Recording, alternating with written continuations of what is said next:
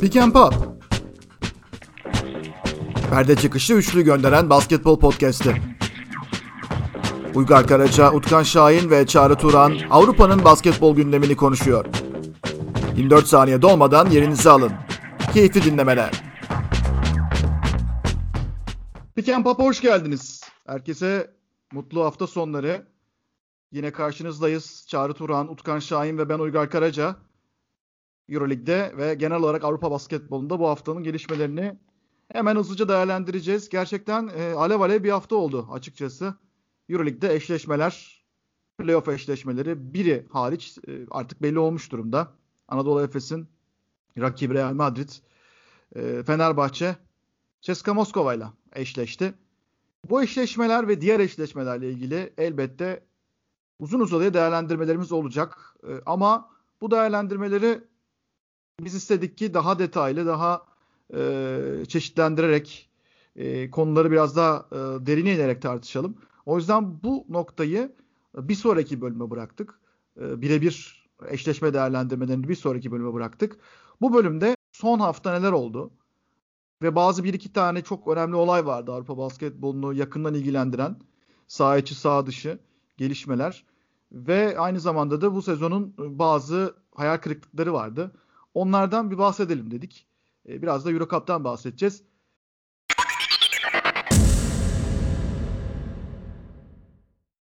Öncelikle yine hoş geldiniz diyorum ee, Çağrı ve Utkan.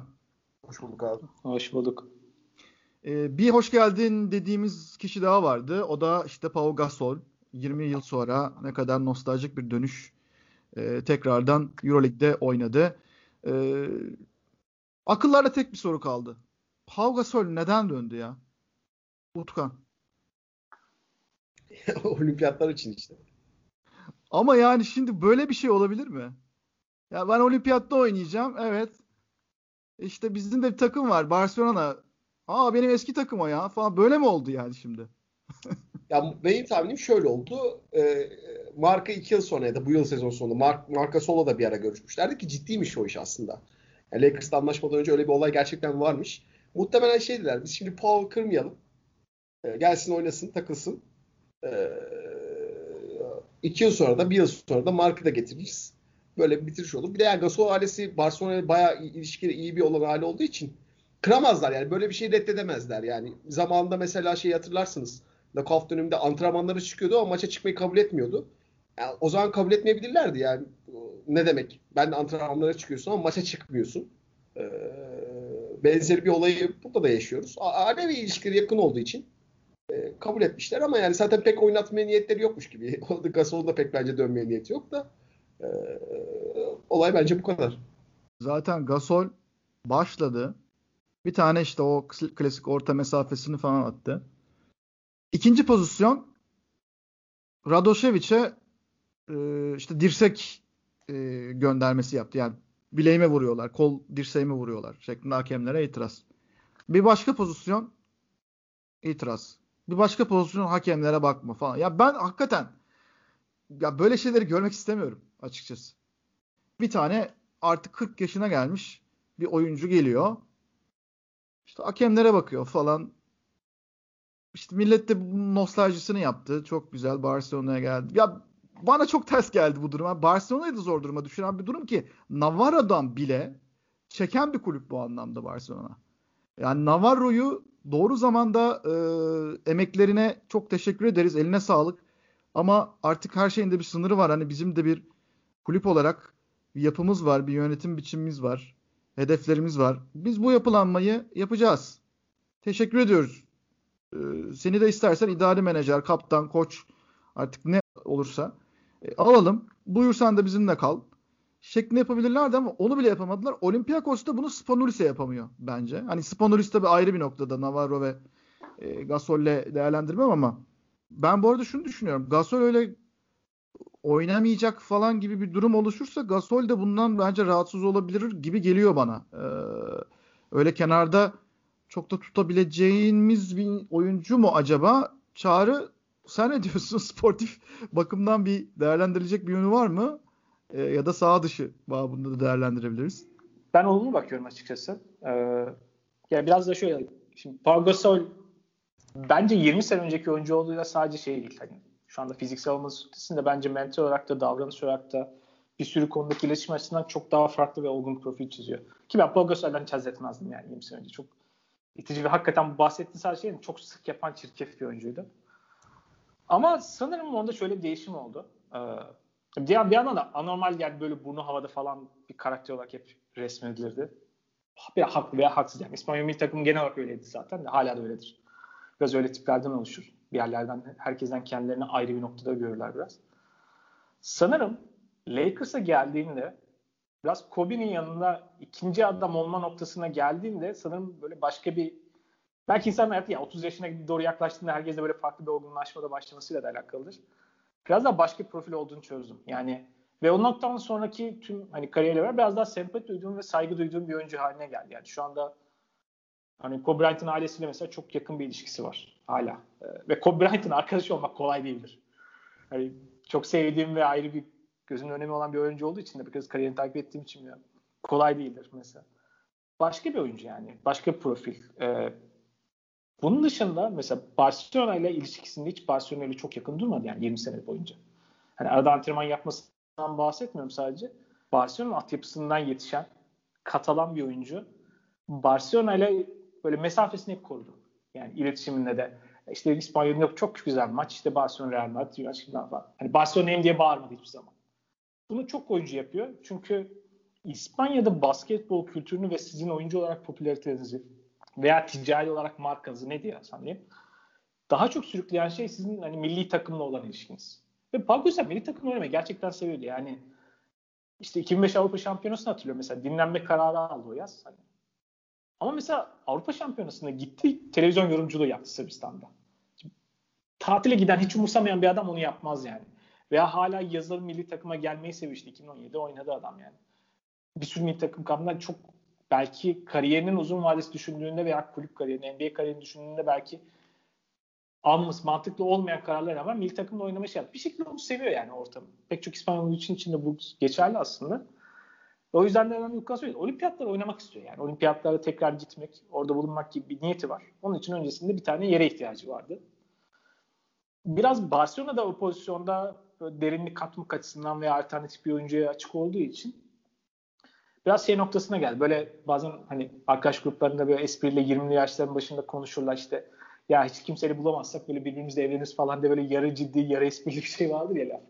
Evet. Bu bayağı şu an onun sembolü olmuştur yani. Çünkü ikisinde daha iyi bir alternatif yoktu anladığım kadarıyla. Pagosol'un da yoktu, sanırım Barcelona'nın da yoktu. Barcelona için avantajlı olan şu, en azından kabul edilebilir tarafı şu.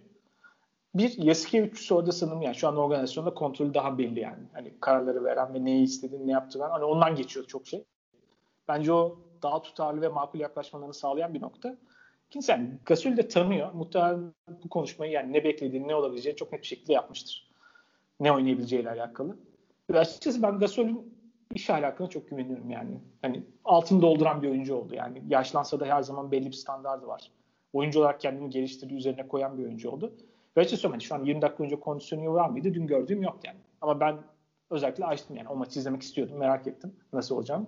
Ve gördüğüm şeyden beklentimi açtım ve beklentim hani iyi olmasını, hazır durumda olmasını bekliyordum. Hani oynayabildiği dakika özünde iyi gözüktü yani. Ve katkı verir. Barcelona'nın hali hazırda tecrübe olarak mı diyeyim, sertlik olarak mı diyeyim, biraz daha farklı olarak bir destek olması iyi olurdu onlar için. Hani sezon başında da onu düşünüyorum. Ama yani şu anda 10 dakika bile verse faydalıdır. Ve 10 dakika almaktan rahatsız olmayacak bir durumda bence. Yani o da kendi durumunu biliyor.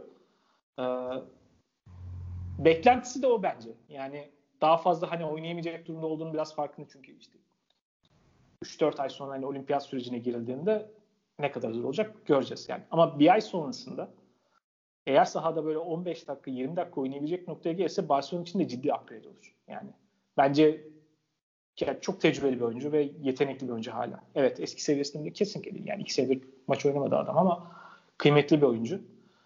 Ama bütün her şeyin gelen nokta böyle birbirine mecbur kalmış böyle bir iki grup var. Yani iki şahıs var diyeyim. Hani biri daha tüzel kişi, biri iki, bireysel. Onun sonunda bir noktaya geldiler ve o yüzden ilginç oldu yani. Bu Pau mecbur hissetti. Barcelona için de avantajı şu. Kaç yani bir aydır sürekli bir Pau propagandası yapıyorlar. Onun iletişimini yapıyorlar. İşte yönetim değişti. Onlar için de böyle güzel bir şey oldu. Onun fırsatını kolluyorlar. İspanya Ligi ve İspanya basketbolundaki bütün medya argonlarında sürekli Pau Gasol reklam var görüyorsunuzdur. Önemli bir marka yani. Hani o yüzden de onun bulunmasının getirdiği bir değer var. Şu anda onu istiyorlar. Yani sahadaki performans onu karşılamayacak ama diğer oyuncu olarak marka değeri olarak bakarsanız evet yani onun artısını şu an herkes e, sürdürmeyi seviyor diyeyim. Ya ben buradan bir marka üretilmesinin e, bugünün koşullarında ne diyelim çok e, progresif bir adım olduğunu düşünmüyorum. Yani bu konservatif bir adım. Tutucu bir adım. Eskiden, eskinin nostaljisinden veya işte Pau Gasol'ün NBA'de geliştirdiği bağlar, Kobe ile bağları, e, Lakers'la bağları. Ya böyle hep eskiyi çağrıştıran bir şey var ama yani sen bir kulüp olarak veya da Euroleague e, Euroleague de tabii bu bağlantıyı çok işliyor. Şu anda kendisine oradan bir alan çıkarmaya çalışıyor ama e, ya ben hani Barcelona kulübünün çok iyi yönetilmediğini zaten son işte bir, bir buçuk senede bayağı net e, şeylerle gördük. İşte o futbol tarafı, borçlar, Messi olayı, e, fiyaskosu diyeyim daha doğrusu. İşte o çekilen fakslar falan. Messi'nin babası. Bütün o hikayeler Barcelona'da e, oyuncuların bazı oyuncuların kulübün üzerinde olduğunu zaten gösterdi ki e, bazı kulüpler için bu kabul edilebilir bir durumken Barcelona için bence bu böyle olmamalı. Neyse o Barcelona'nın bilecekleri iş. Euroleague için de aynı şekilde yani ya Gasol e, işte yani zaten çok kendini ifade eden bir durum. 20 sene sonra gelmiş ilk basketini atmış. 20 seneden bahsediyoruz. Ee, şimdi mesela Luis Scola da 40 yaşında oynuyor ama o kadar e, sırıtmıyor diyeyim onun oynaması. E, burada biraz ısmarlama bir durum olduğu için şimdi Barcelona takımında ona çok büyük bir saygı vardır eminim. Yani Euroleague'de de büyük bir saygı var tabii ki olacak. İspanya milli takımında da öyleydi. Kötü oynadığı zamanlarda bile Scariolo hatta senin tweetlerini o zaman hatırlıyorum. Sen de eleştiriyordun Scariolo'yu ama başka tercihlerinden dolayı sürekli eskileri oynatıyor vesaire falan diye. Ee, mesela Mark Gasol gelse ben böyle düşünmezdim. Şu Mark, ben Pau Gasol mü Mark Gasol mü noktasında sportif olarak da saha içi dengeler olarak da her zaman Mark Gasol'cuyumdur. Ee, o çok iyi bir fit olabilirdi. Yani hani Barcelona'nın sportif seviyesini de yükseltecek, saha içinde yükseltecek bir isim olabilirdi. Ya ama mesela İspanya milli takımına lazım mı Pau Gasol gerçekten? Yoksa ben öyle istiyorum. Oynayabilir miyim acaba boş yeriniz var mı? Aa tabii e, Pau'cum yani senin yerin ayrıdır. Gel buyur oyna gibi bir ortam mı var? İkincisi ise bu bana biraz arkada bekleyen oyuncular şunu düşünebilir yani değil mi? Biz de burada oynuyoruz hani tamam Pau bizim abimiz ama bilmiyorum ben kapatacağım bu konuyu ama çok güzel. Çünkü yarım saat bıraksak yarım saat konuşuruz da Utkan e, tekrar ya sana ben arada bir şey arada Aha, bir tabii. şey ekleyeyim. Yani burada o riski alan kişi koç günün sonunda. Yasikevicius. Yani Yasikevicius yani oyunculara eskiden takım arkadaşı olduğu için, ilişkisi olduğu için onun yönetme riskini alan koç. Gün sonunda bunu onaylayan kişi de koç. Ee, diyebilir ki yani ya evet onu razı ederse ve diğer oyunculara ya sahada eğer Pau Gasol performans verirse ve dakika alırsa bence kimse bir şey demez. Herkes onun farklı. Pau Gasol oynayamayacak durumdaysa da Pau Gasol'e dakika vermez. O zaman da kimse bir şey demez. Gün sonunda o adaleti ve geri kalan oyunculara yaklaşımını yönetmek zorunda olan kişi koç. Hani onun e, kararları ve o riski alan kişi hala o. O yüzden ben hani daha makul buluyorum yani. Çok ideal mi değil yani bahsettiğim gibi ama o yüzden bence kabul edilebilir bir durum. Burada ben de hemen Çağrı'nın geçtiği yerden şöyle bir ekleme yapayım. Mesela bak o benzeri sıkıntıyı 3-4 yıl önce Kirilenko son dönüşünde yaşamıştı CSK. Bence CSK çok güzel basketbol oynuyordu. Kirilenko yanlış hatırlamıyorsam ya playoff dönemi ya da playoff'tan biraz önce gelmişti ve yani Tüdüs'e mecburen 20 dakikalık 25 dakikalık bir rotasyon değişikliği gerekmişti.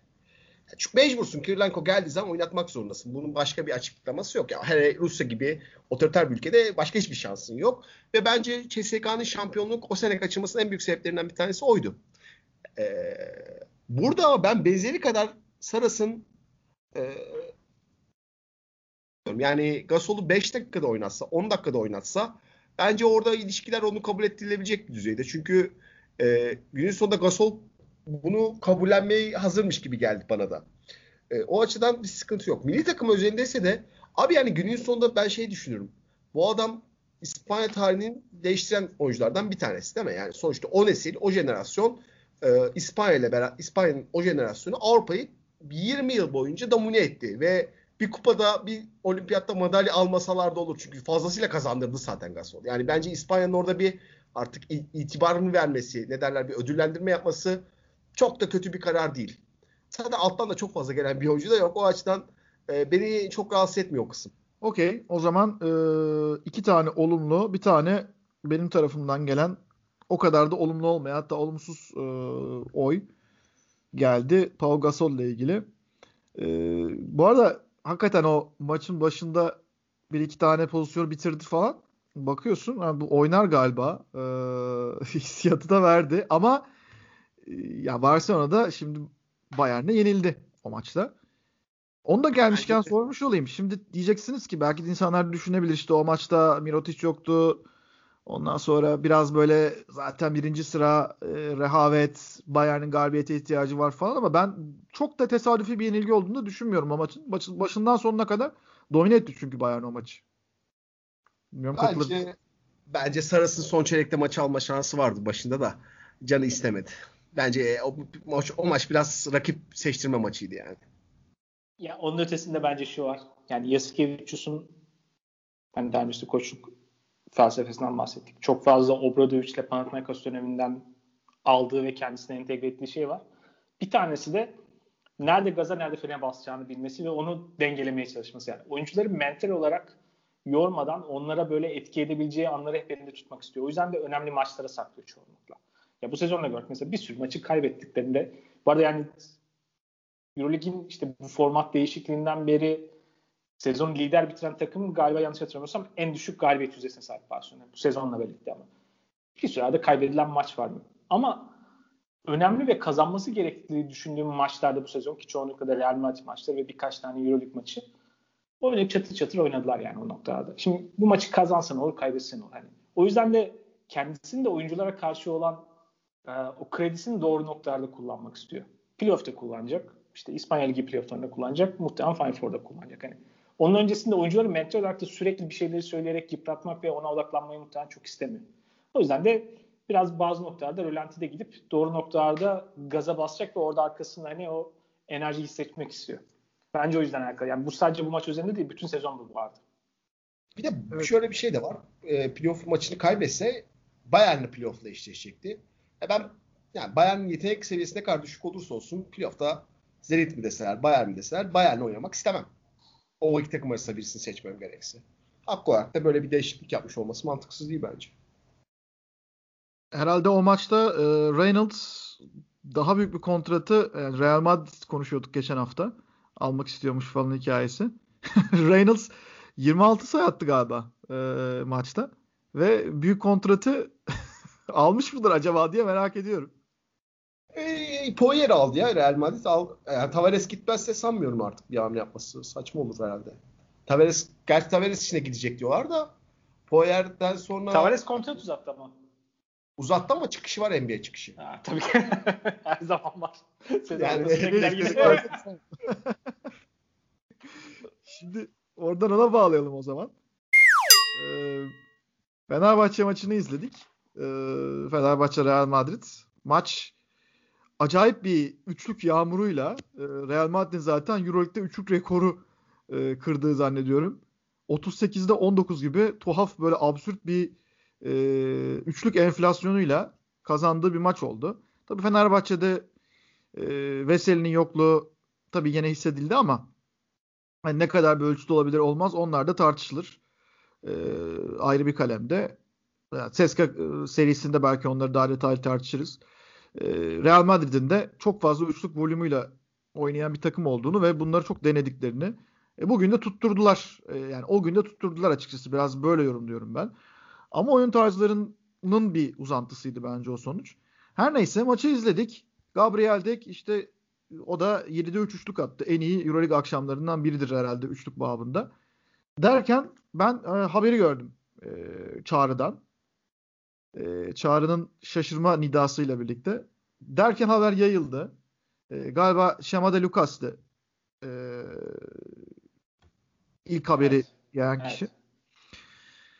Neyse Gabriel Dek meğersem son maçını oynamış ve e, Oklahoma City Thunder'a NBA'ye gitti. Tabi hemen reaksiyonlar geldi ama e, sizin reaksiyonlarınızı da tabii görenler olmuştur.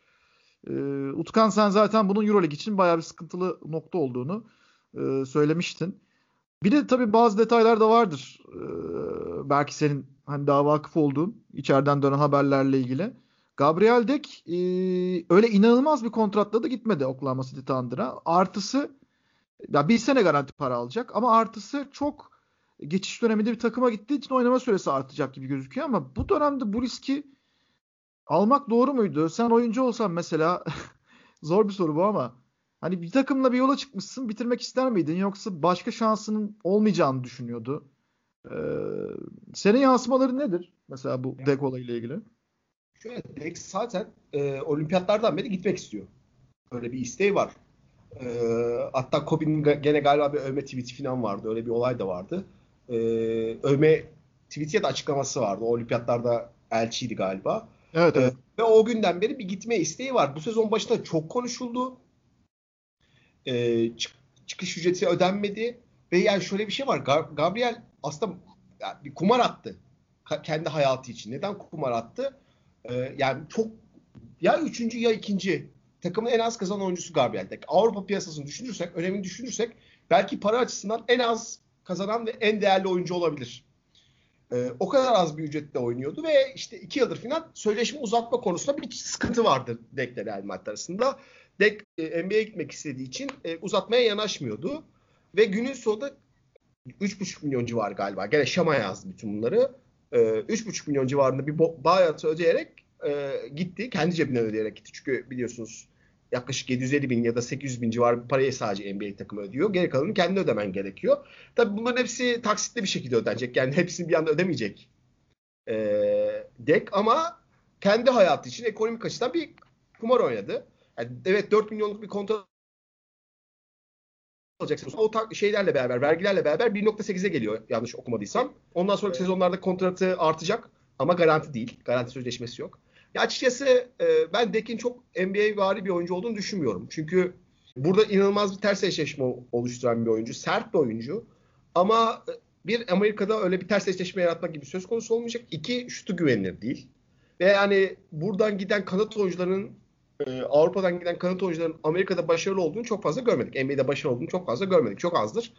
E, bunun atletizm sıkıntısı, fiziksel sıkıntılar e, en de sonunda bir şey oluyor açıkçası ben Dek'in bir ya iki yıl sonra e, tekrardan Real Madrid'e dönüp e, Euroleague devam edeceğini düşünüyorum ama ya gidiş anı, gidiş zamanı gerçekten Euroleague için çok üzücü. E, ya evet Euroleague'in kan kaybettiği artık yani herhalde bir 10 yıldır falan konuştuğumuz bir konu.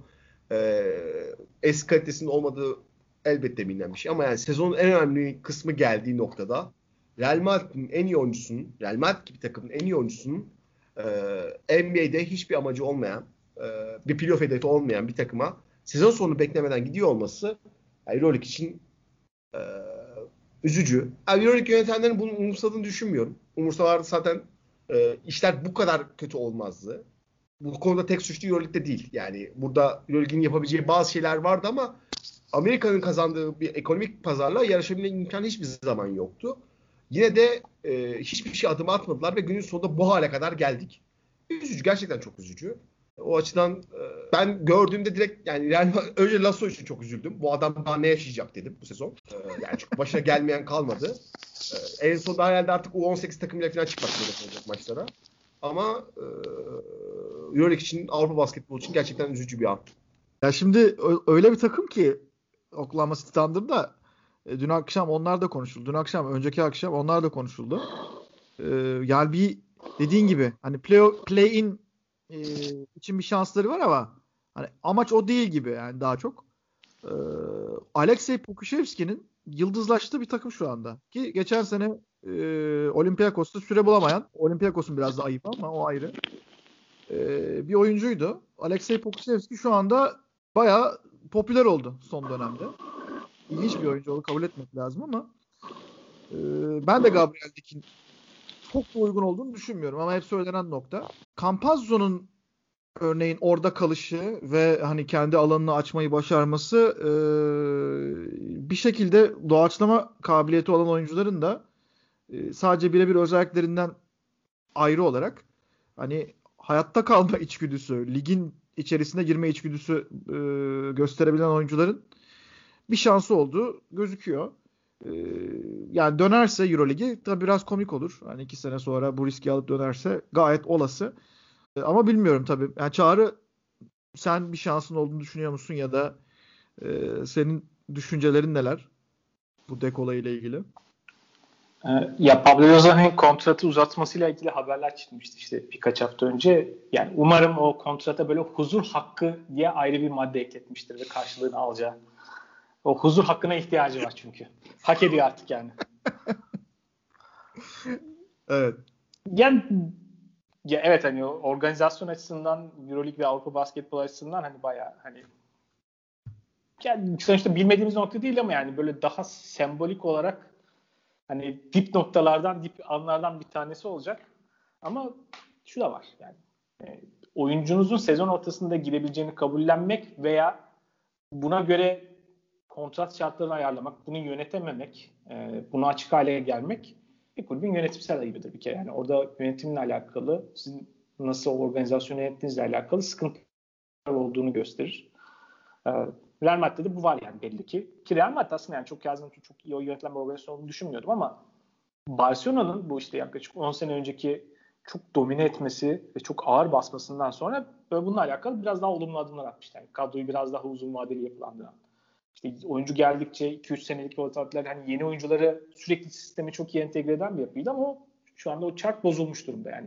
Onu tekrardan bir sıfırda inşa edecekler. İşte altyapı yatırımlarını çok daha planlı hale getirmişlerdi bayağı ciddi altyapı antrenörü yatırım yapmışlardı ve altyapıdan Barcelona'dan daha iyi işler çıkarmaya başlamışlardı buna.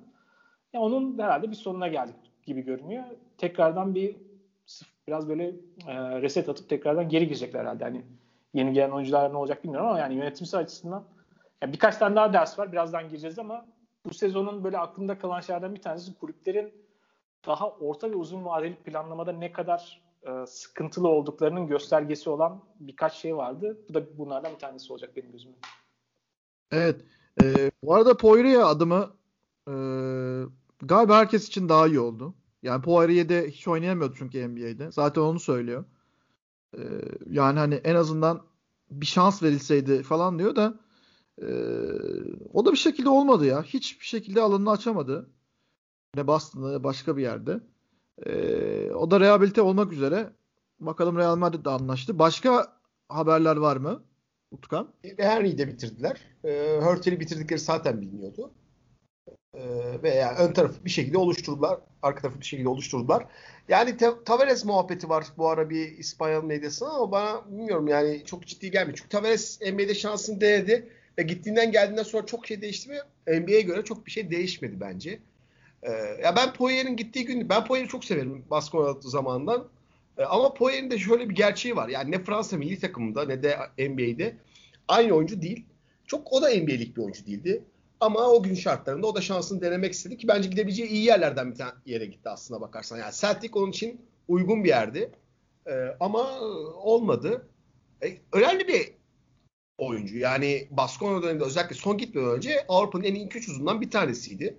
Evet. E şimdi Tavares'in arkasına Poyer'i koymak o şekilde geri dönerse e, Real Madrid'in oldukça iyi. Ama yani Henry Hurtel ikilisini oluşturmak ya bence Lasso huzur istemiyor anlamına gelir bu. E, kendisi durumdan memnun anlamına gelebilir çünkü yani ya Hurtel'e hiç girmiyorum. Yani artık onunla ilgili yapabileceğim eleştirinin son noktasına geldiğimi düşünüyorum hayatımda ama Henry'i ben çok severim.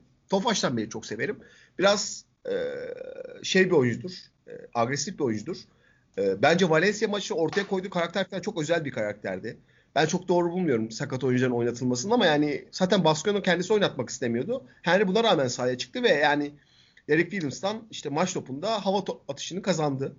Ee, ama yani en iyi gününde bile istikrar konusunda size söz veremeyecek bir oyuncuyu alıp arkasına Hurtel'i koyup nasıl doğru bir organizasyon oluşturabilirsin?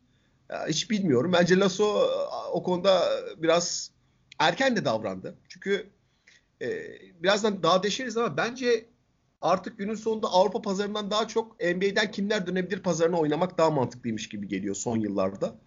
Ee, ve o pazarın da belli olması en erken Temmuz 15. Biraz riskli ama ben Hörtel e, kozunu oynayacağıma e, Temmuz 15'i bekleyip en kötü Alosen'e kalırdım. E, bence biraz erken hamle yaptılar. Evet, Hörtel bir şekilde e, hani gittiği yerlerde korunan bir oyuncu oldu. Yani işte Barcelona'da başına gelenlerden sonra Fransa milli takımı kucak açtı. Orada oynama şansı buldu. Ee, Vincent Collet onu çağırdı. Yine bir alan buldu yani kendine sonuç olarak oynayabileceği. Oyuncu için olumlu ama her zaman hak ediyor mu? Ee, belki daha uzun süre kalmayı veya daha başka bir Euro Cup takımında hani oynayıp e, tekrardan e, kendini kanıtlayıp diyeyim. Yani kanıtlayacak bir şeyim yok diye düşünebilir de işte öyle olmuyor.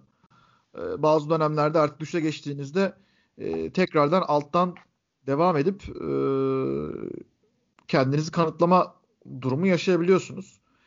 E, ama işte Hörtel bir şekilde buna denk gelmiyor. Yani hep yukarıdan e, üst seviye takımlarla kontratlar bulmaya devam ediyor. O anlamda da ilginç tabii.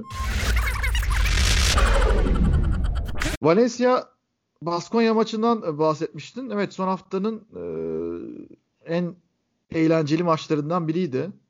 Ve e, Valencia bir şekilde benim yani Derek Williams'ı bu sene çok gelişmiş gördüm ben. O e, maçta da Baskonya maçında da bazı bir iki hareketine rastladım. Hani basketbolu düşünme biçimini geliştirmiş Nikola Kalinic'le beraber oynaya oynaya mı acaba bu e, geliştiği düşün, düşünmüyor değilim. Ya işte benim çok beğendiğim oyuncular var. Sam Van Rossum. E, çok iyi bir pasör. Yani o üçlüklerini falan veya tempo ayarlayışını bir kenara bıraktığımda çok iyi bir pasör. Mike Toby e, tam bir görev adamı yine. Hani dışarıdan tekniği biraz zayıf gibi gözükebilir veya yavaş bir oyuncu gibi gözükebilir ama çok sevdiğim bir oyuncu. E, Kraven Plepelic zaten e, herhalde 3. çeyreğin sonunda attığı üçlük olmasaydı Valencia hiç o noktalara gelemezdi. Vanya Marinkovic de kendi şutunu çıkarma konusunda e, yani yeteneği azımsanan bir oyuncudur. Çok önde değil. Dublevic işte oynamayan Sanameterio falan hepsi özel oyuncular ama e, tamam belki maçı aldılar. E, bir şekilde playoff şanslarını sürdürdüler. Ancak e, olmayan bir şey vardı bu sene hep. Onu da şimdi isterseniz konuşalım. Bu senenin hayal kırıklıkları, başarısızlıkları bölümünde e, bence henüz başarısız olarak kabul etmek belki doğru değildir ama beklentinin gerisinde kaldılar. Özellikle bizim daha ilk bölümlerde e, konuştuğumuz hani Valencia güneşi e, kavurmasa da biraz ısıtıyor, yakmasa da biraz ısıtıyor şeklindeki görüntüsü eksik kaldı. E, bu durumda olmamalılardı ve çok daha iyi şeyler görebilirdik diye düşünüyorum. Bilmiyorum Çağrı sen ne diyorsun?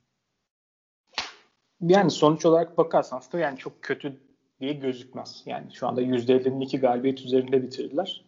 Çoğu zaman bu sizi playoff'a sokar. Hani şu anda hala kağıt üstünde şansları var. Ama beni tatmin etmeyen kısım şu. Bir, organizasyonun bu sene eline geçen bence önemli fırsat vardı. Onu çok farkına varamadılar veya onu kullanma konusunda çok e, ısrarlı değillerdi. İkincisi de çok istikrarsız ve dağınık gözüktüler sezonun kaydılar kısmında. Valencia yani şu anda eldeki takım çok böyle hani planlı organize bir şekilde oluşturulduğu gibi bir iddiam yok. Çünkü bazı parçalar sanki böyle fırsat çıktı biz bunları alalım gibi gözüküyor. Yani Derek Williams bence onlardan bir tanesi. Maçta da maçın sonunda böyle inanılmaz anlar vardı. Yani sanırım yani böyle biraz Sakar Şakir gibi bir karaktere dönmüş durumda Euroleague'de. Ya bela varsa onu buluyor yani. Adam da kendisi hani kötü niyetli değil. Böyle ama yani bir genel olarak etrafındaki durumun farkında olamama durum var ve e, kritik anlarda çok tuhaf hataların veya sıkıntılı durumların içerisinde bir şekilde buluyor yani. Bela onu buluyor. Çok ilginç bir oyuncu haline geldi. Şimdi kadroya baktığım zaman ben şunu görüyorum. Ee, bence kadro iyi derin bir kadro. Yani çok seçeneği olan bir kadro. İşte kısa rotasyonda çok opsiyon var. Ee, uzunlar tarafında kendine has niş böyle bir avantaj yaratacak bir şey var. Çünkü iki tane çok kuvvetli ve yani kuvvet oyununu oynamayı seven oyuncu var. Yani gerçekten orada bir sürü takıma çok ters gelecek bir yapısı var. iki tane uzun üzerinden. Onun da çok iyi parçalar var. Kalinic bence bu sezonun en iyi oyuncularından bir tanesi zaten. Ee, yani seyretmek için, seyretme açısından benim için en keyifli oyunculardan bir tanesiydi bu sezon. Şimdi bence yeterince iyi parçalar var. Bu takımın bu sezon üzerindeki bu sezon yani hemen her takımın üst seviyede ve onun bir altında kalan takımların böyle çok tatmin etmediği, en azından istikrarlı olmadığı bir yapı var ve bu yapı aslında şimdi mesela Milano dördüncü oldu. Belki Bayern dördüncü olacaktı. Farklı takımlara belki genelde klasik alışmadığımız modeldeki takımlara ve o en tepedeki bütçeye sahip olmayan takımlara bence Final Four fırsatı veriyordu. Bence Valencia o için çok iyi bir adaydı. Ve bence o yani bence ona ya inanmadılar ya o fırsatı göremediler ya da onu beklemiyorlardı. Ona hazır değillerdi. Şimdi bugün Fonsorna ile alakalı bir açıklama gördüm. Hani beklentiler çok yüksekti. Yani beklentileri karşılayamayacağımız ortaya çıktı gibi bir şey söylüyor. Ya bence makuldü bu beklenti. Yani sadece playoff yapması değil takımın. Daha da ötesine gidebilecek potansiyel olan bir takımdı. Yani kalır kalamaz ayrı konu tabii Final Four o noktada ama oranı gitmek için böyle maçlarını daha iyi oynayan, daha istikrarlı, daha maçlar özelinde değişiklik yapan bir takım olması gerekiyordu. Bence onu yapamadılar. Çok istikrarlı değillerdi. E, ve bence Ponson onu yapamayacak bir koç da değil yani. Örneğin işte maç sonlarında, poz, işte playoff sonlarında falan iyi oyunlar ve bunu uygulayan bir takım. Mesela bu detaylara önem verdiğini gösteriyor bir takımın. Rakibe göre bazen çok iyi değişiklikler yapan, çok iyi işte 5 onlara uygun alternatif 5'ler çıkarabilen ve bazen böyle maçlarda çok kritik hamlelerle maçları çevirebilen bir koç. Ama rotasyon konusunda mesela benim gördüğüm çok statik kaldılar. Yani sanki herkes her maç 20 dakika alması gerekiyor gibiydi. Bu da onların bence e, maçlar tekil, tekil maç bazında böyle kazanabilecekleri pek çok maçı böyle ya yakın olarak ya da bazı maçlara hiç giremediler bu arada. O da ilginç bir nokta. Ya bir sürü maçta bence daha fazla kazanabilecekleri maç varken biraz hediye ettiler. Ortada bıraktılar. Ya böyle e, sanki böyle bir elmayı yiyorlar da hani elmanın böyle yarısını bırakıp atmışlar gibi yani. Daha orada çok var. Hani onun sonuna gelmemişler. Bence fırsatlar kaçtı. Üzücü olan nokta o. Ama Valencia organizasyonunun yani işte birkaç e, hafta önce bahsetmiştik. Potansiyel çok büyük bir organizasyon. Yani takımın sahibi değişti. Normal geleneksel takım sahibinden farklı profil var. Salon yatırımları var. İşte kadın takımları mesela Euro Cup finali oynayacak yarın. Yani hani oraya yatırım. Daha planlı bir organizasyon var. Yani o yüzden ileride bu noktalarda daha fazla olmasını bekleyeceğimiz bir yapı ama bence bu sözlerin üzerinde önemli fırsat kaçtı. Los Casares Valencia onların e, yapısından bir takım değildi değil mi? Başka bir takımdı o dönem kadınlar basketbolunda. Bildiğim kadarıyla farklı böyle daha yeni bir takım kurdular. Evet. Ya onun devamı değil. Ee, çünkü Los Casares Valencia o dönem şampiyon olmuştu. Hatta işte şampiyon olduktan sonra da İstanbul'da olmuşlardı ve e, kapatmışlardı yatırımları tamamen. Yani Derek Williams'la ilgili e, şöyle bir şanssızlığı var. Çok kilit anlarda büyük senin dediğin gibi sakarlıklar yapabiliyor. Yoksa genel itibariyle ben bu senenin Derek Williams'ını geçen seneki hatta önceki seneki Derek Williams'tan e, Avrupa basketbolu kriterlerini değerlendirdiğimde daha faydalı buldum. Mesela işte topu alıp direkt steps yapardı örneğin. Ve işte pasa atacağı anı bir saniye geç ayarlayıp e, mükemmel bir asisti kaçırır. Gider orada top kaybı yapardı falan. Bu sene bu konularda bayağı bir aşama kaydettiğini gördüm. Bir de takım savunmasını daha iyi özümsediğini fark ettim ama işte gene o maçın son saniyelerindeki kritik yerlerindeki işte highlight noktaları onu iyice kötü gösterecek komik noktalar e, yine ortaya çıkıyor. E, ya bu arada tabii şu senaryo da var. Hani tutar belki Zenit Panathinaikos'a yenilirse o zaman Valencia yine playoff'a gidiyor ve 1-8 olarak e, Barcelona ile eşleşiyorlar ki orada da hani yerel rekabet hikayesinden e, Real Madrid ve Barcelona'ya karşı oynadığı maçlarda Euroleague havasından bir anda çıkıp tekrar lig havasına dönen bir Valencia var. E, işleri belki karıştırma ihtimalleri de olabilir böyle çok çılgın bir senaryoda. E, böyle bir tahmin alacağım bu sefer biraz e, ayağımızı soğuk suya sokalım. Utkan senin Zenit acaba e, bir çılgınlık yapıp Panathinaikos karşısında kaybedip de e, Valencia'ya böyle bir kapı açar mı? Pascual'a çok yakışır. Yayından önce de söylediğim gibi yani tam Pascual'in kariyeri için mükemmel bir hikaye olur. Ama yani ben sanmıyorum çünkü e, yani ne bileyim hiçbir iddiası olmayan bir takıma karşı bu maçı kaybederse e, yani çok büyük bir rezalet olur yani geçen hafta da söyledim. Bence o maçın çok daha önceden oynanması gerekiyordu. Geçen hafta o maçın bitmiş olması ve bizim şu an playoff'taki bütün eşleşmeleri biliyor olmamız gerekirdi etik olarak. Ama yani Zenit'in ben burada kaza koşuna gideceğini düşünmüyorum. O yüzden Valencia'nın o hikayesi zor geliyor. Ee, ama mesela diyelim öyle oldu.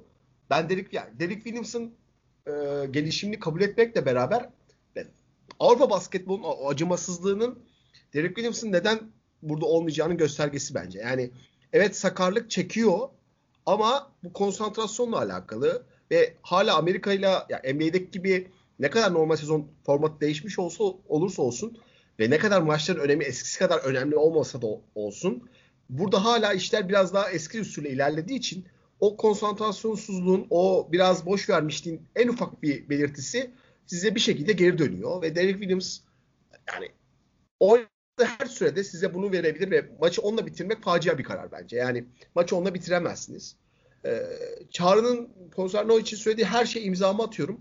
Ama yani bence e, rotasyonun neden 12 kişilik kullanılmayacağı olmayacağının, neden basketbolun rüya takım gibi bir şey olmayacağının en güzel örneklerinden bir tanesi var Valencia. Yani basketbol dediğin şey en iyi şartlarla abi 8-9 kişilik rotasyonla oynanır. Yani daha fazlasını kabul etmiyor bu oyun. Çünkü oyun keskinliğinizi, devamınızı kaybediyorsunuz. Ya Prepilic bu sezon o kadar çok maçta çok iyi oynarken kenara gelip 10 dakika kenarda kalmak zorunda kaldı ki ya anlatamam size. Prepilic ortalama süresini 5 dakika daha fazla oynasaydı büyük ihtimal Valencia şu an playoff'taydı. Ya da Boyan Dubljevic. Ee, o açıdan e, Ponserno'nun ne kadar maç değiştiren ve ne kadar aslında gözükten iyi bir koç olduğunu kabul etmekle beraber bu rotasyon kara, kararı tam bir e, Valencia'nın başarısızlığı için e, sebep bence. O açıdan e, kendisine çok üzgünüm. E, Valencia özellikle e, Kasım, Aralık gibi oynadığı basketbolla beni bu sezon heyecanlandıran takımlardan bir tanesiydi. Çağrı, sizi de öyle. Ki bilmiyorum Avrupa, Türkiye'de daha fazla Valencia konuşan başka podcast var mı? O açıdan benim için de bir hayal kırıklığı oldu.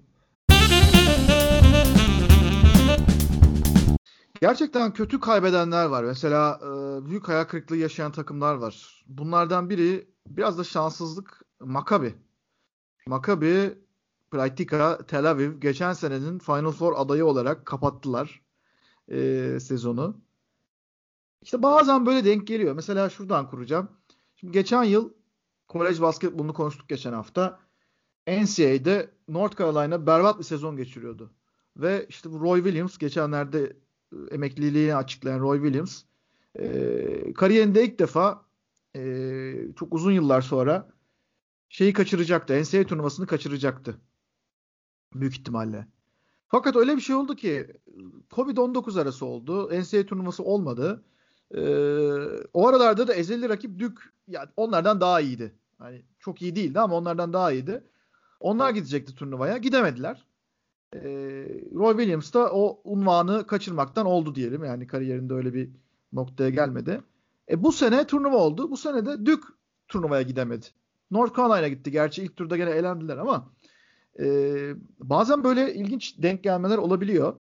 Yani Maccabi e, yaptığı ilginç seçimlerle biraz bu sonu kendileri de hazırladılar aslında. Yaptığı ilginç seçimlerle ve neden yaptığını çok da anlayamadığımız e, kontratlarla ki bence Çağrı'nın bu konuda bazı fikirleri var. E, uzun ikilisi sisteminde e, Bender ve Jijic'le karar kıldı ve o sistem hiç tutmadı. Ama hiç de vazgeçmediler ondan. Yani o işte gene North Carolina'yı hatırlatan daha geleneksel basketbolun işte iki uzun ve biraz daha çembere yakın bir oyunu gösteren ki Roy Williams da bunları çok seviyordu. Zaten bunun üzerinden oynatıyordu takımı. Artık e, eskiyen bir ya da modası geçen bir sistem olmasına karşın o bunda karar kılmıştı. Olmadı. Dragan Bender de Antesic işte bir türlü bekleneni veremedi. İşte Otello Hunter da keza öyle. Ee, ve Maccabi büyük bir başarısızlık oldu bu sene. Çağrı senin fikirlerin vardı demiştik. Ee, ne diyorsun? bu Maccabi e, fiyaskosu için bu sene. Bence Maccabi senaryosu da aslında takımların e, planlama yönetimiyle alakalı güzel bir ders. Şimdi Maccabi'nin hani tüm tarihi ve geçmişi geleneğiyle birlikte baktığında Maccabi'nin iyi yapabildiği ve onun için avantajlı olan oynadığı bir oyun tarzı var. Ve bunun dışına çıktığında çok başarılı değil. Yani bu İsrail basketbolu için de geçerli. Bir şekilde daha henüz daha çok piyasaya çıkmamış ama potansiyel olan atletik oyuncuları, Amerikalıları bulma becerileri. Bu İsrail basketbolunda da olan bir şey. Onları bulma, entegre etme ve onlarla birlikte hani daha yüksek tempo üzerine oynanan bir oyun. Şimdi Maccabi ben hatırladım hatırladım. Buna benzer bir şey oynuyor. Yani 90'ların sonunda da bunu oynamaya çalışıyordu adamlar. Evet. Ve bunu yapabildikleri, bunu yapabilen ayrı bir hani bir kültürleri var. Şimdi bunu sağladıkları zaman hali hazırda daha düşük bütçeyle e, oynayan bir takım olarak hani kendine bir fark yaratmaları gerekiyor stratejik olarak. Herkese aynı kadroyu kurup aynı parayı harcayamadığına göre aynı yeteneğe sahip değilsin. O zaman kendi farklı bir yol bulman gerekiyor. Geçen sezon bence çok niş böyle farklı bir yol bulmuşlardı. Ee, özellikle hani atletik uzunların üzerinden ve işte onların içeriği böyle kararttığı, dış oyuncuların da belki normalde olması gerektiği kadar böyle agresif baskı yapabilmesine fırsat veren, bunun üzerinden savunmanın etrafında şekillenen işte tribündeki o atmosferle birlikte kolay sayı bulmaya yönelik bir oyun üzerinden kendilerini böyle çok herkese ters farklı bir takım haline getirmişlerdi. Çok geleneksel bir şey oynamıyor. Mesela çok pick and roll odaklı oynamıyorlardı. Kısaları alan açarak onların birebir oynamaları çok daha ön plandaydı. Çok daha fazla mesela uzunların içeriye pas indiği ve oradan tekrardan ekstra paslarla işte 3 saniye üzerine giden katlarla böyle takımların alışık olmadığı başka bir yol bulmamışlar. Çünkü bu rekabet konusunda eğer siz standart kaynaklarınızla onlarla baş edemeyecek durumdasınız başka bir çözüm düşünmek zorundasınız. Ve bunun iyi bir örneğiydi yıllar sonra.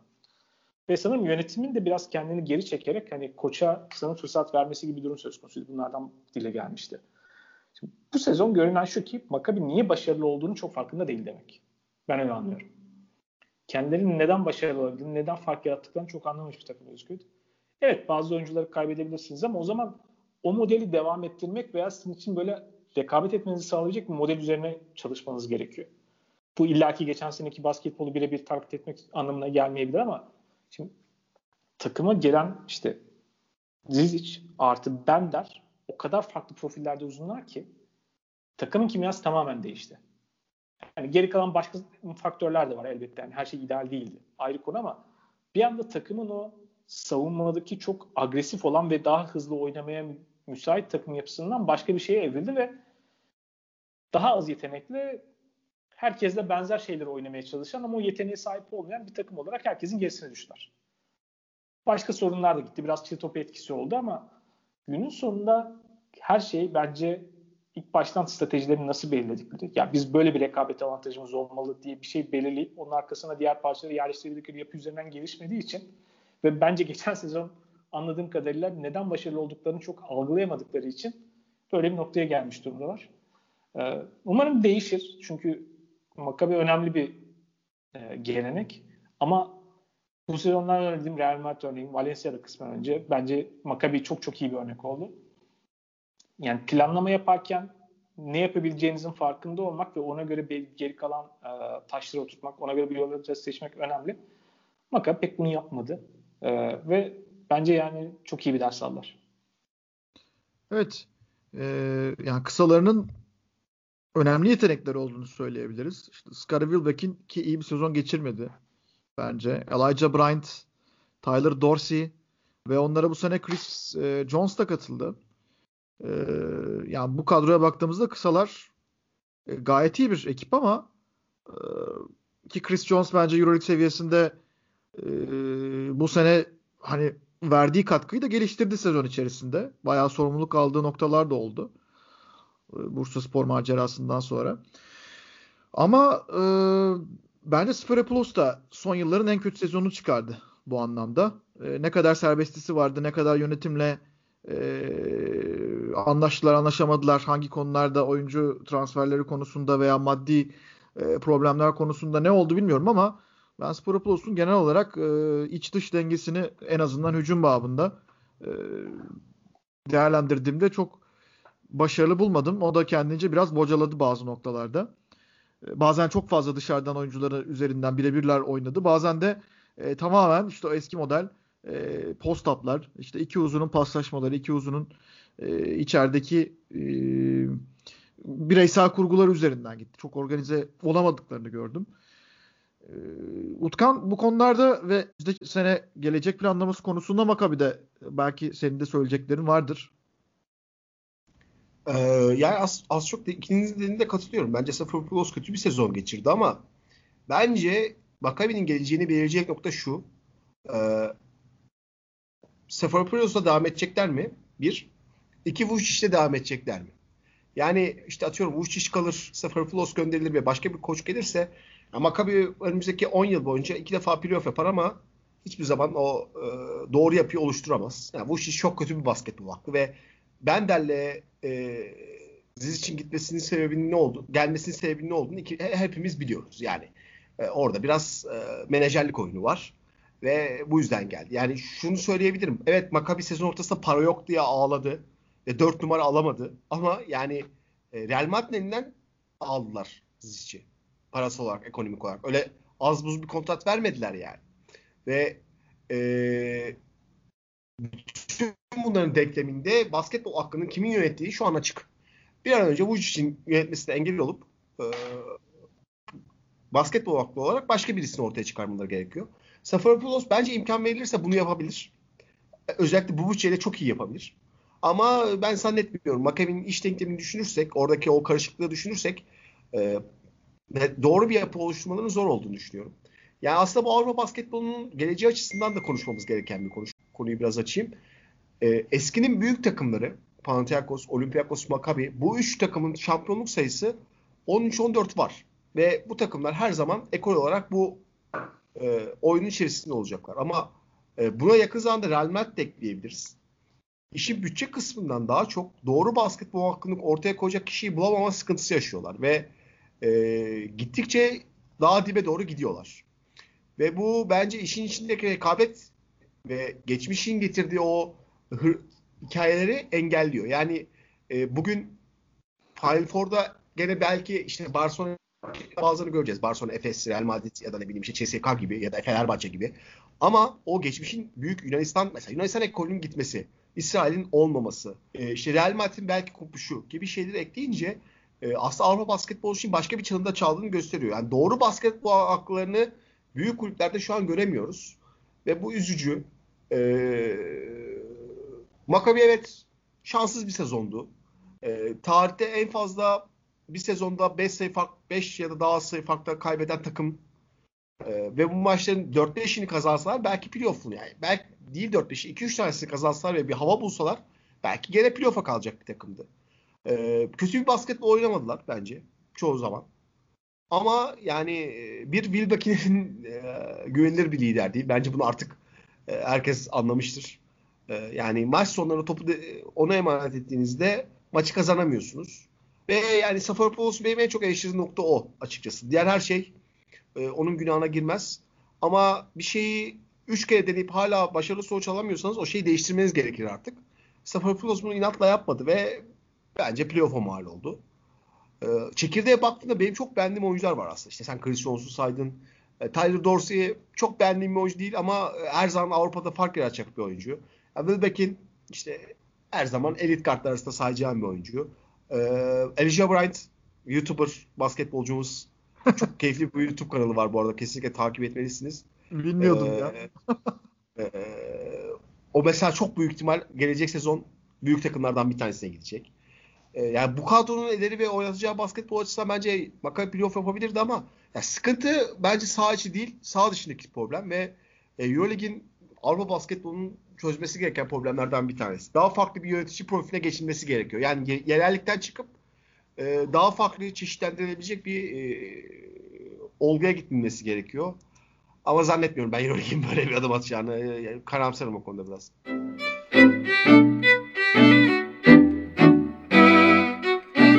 Basketbol akıllarından bahsettin. E, aslında iyi bir konu bağlantısı son bölüme geçmek için. Ee, belki ilk bölümde bağlamak için de iyi bir bağlantı olabilir. Tabii bu senenin bambaşka hikayeleri de vardı. İşte yine Alba Berlin'in zaman zaman alkışlanan ama yine çok da bir yere ulaşmayan bir basketbolu. Jalgiris, Martin Schiller, e, Çağrı senin yılın koçu adayın galiba. Yılın koçu adayın galiba. Uzak ara. Uzak ara, evet. Ben de şimdi şöyle bir düşünüyorum. Yok ya ben Trinkieri derdim gene. E, Trinkieri başkandan şey yapmazdım. E, Utkan sen ne derdin? Yılın koçu. Ee, ya galiba ben de Türkiye derdim ama ikinci sırada benim yakın yani. Ee, bir iki yapardım. Trinkieri bir olur daha. Evet. Ee, yani şey Odet Kataş'ın falan olmadığı kesin de. Ee, yani belki başka hikayelerden de bahsederiz önümüzdeki günlerde. Hani bu konuyla ilgili belki dinleyicilerimizden de soru alabiliriz ama ben şu önümüzdeki seneki Eurolig'in yapılanması için de e, belki bir pencere açmak istiyorum. Şimdi Euro Cup e, devam ediyor bir taraftan ve yarı finallerde bir maç kaldı. E, Virtus, Bologna, Unix Kazan. E, üçüncü maça gitti seri. Öbür yanda Monaco geldi e, finale. Hemen dinleyicilerimizi bilgilendirelim. belki görmemiş olanlar olabilir. Normal şartlarda Valencia gidemezse Euroleague playofflarına Eurocup'un finalisti ve e, aynı zamanda şampiyonu Euroleague'e gidecekler. Ama e, Valencia giderse playofflara yani Zenit son maçta e, Xavi Pascual gene bir şaka yaparsa ve Panathinaikos'a yenilirse o zaman sadece şampiyon gidiyor. Şimdi şampiyonun kim olacağı belli değil ama finalistlerin e, isimleri bir tanesi belli. Monaco. İkincisinin kim olacağını öğreneceğiz. Fakat o basketbol aklı acaba Virtus'ta var mı diye kendime soruyorum. Şimdi Virtus'un biz bir kısım bölümünü tartışmıştık zaten kendi aramızda ki e, Djordjevic'in sonunda istifası ve daha sonra istifadan geri döndürülmesiyle sonuçlanan karmaşık bir süreçti. O arada Marco Bellinelli de takıma katıldı.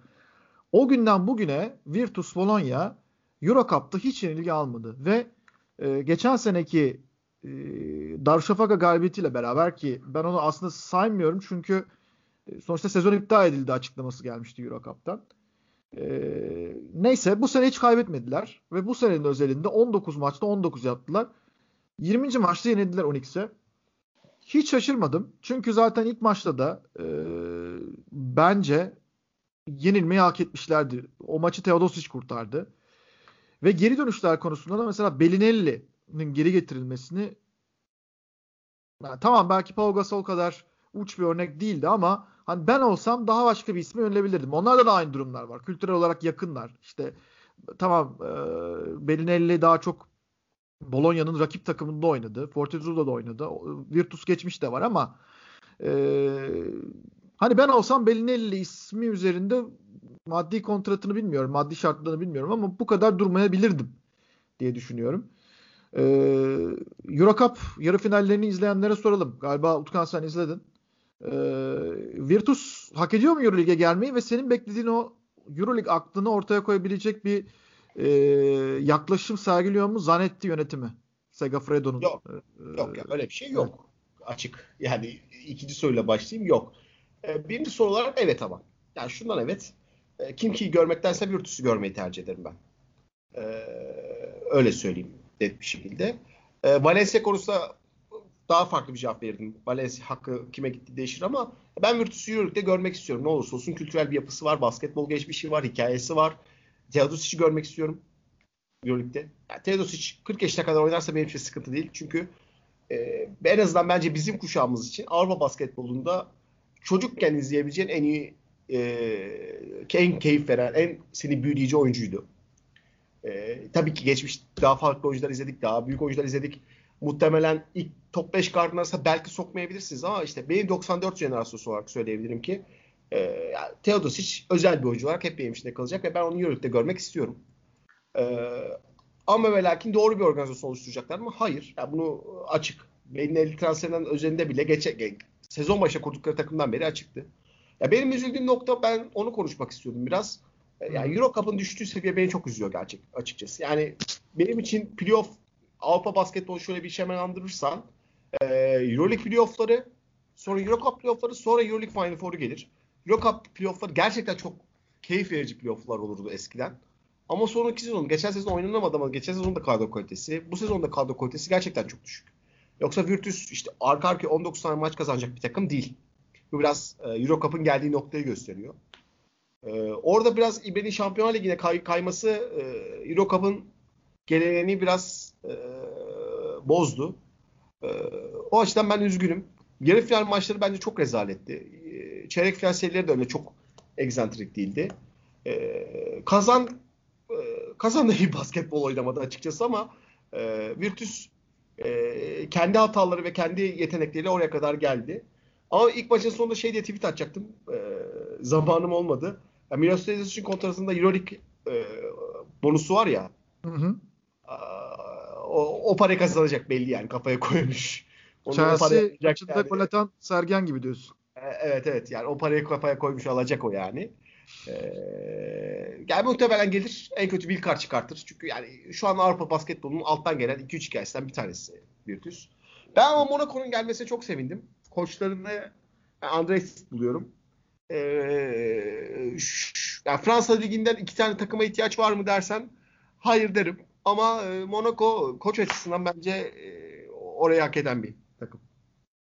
evet. Gran Canaria'yı görmektense Monaco'yu görmeyi tercih ederim en azından. Aslında Gran Canaria'da o Euro Cup'ın efsane e, diyebileceğim dönemlerindeki onu hiçbir zaman hak ettiler mi emin değilim ama en azından benim işte bu Eurosport'ta Euro Cup anlattığım dönemlerde daha iyi maçlar vardı, daha iyi kadrolar vardı. E, Gran Canaria o kupanın lokomotif takımlarından biriydi bence Valencia ile beraber ve Unix de bunların arasındadır.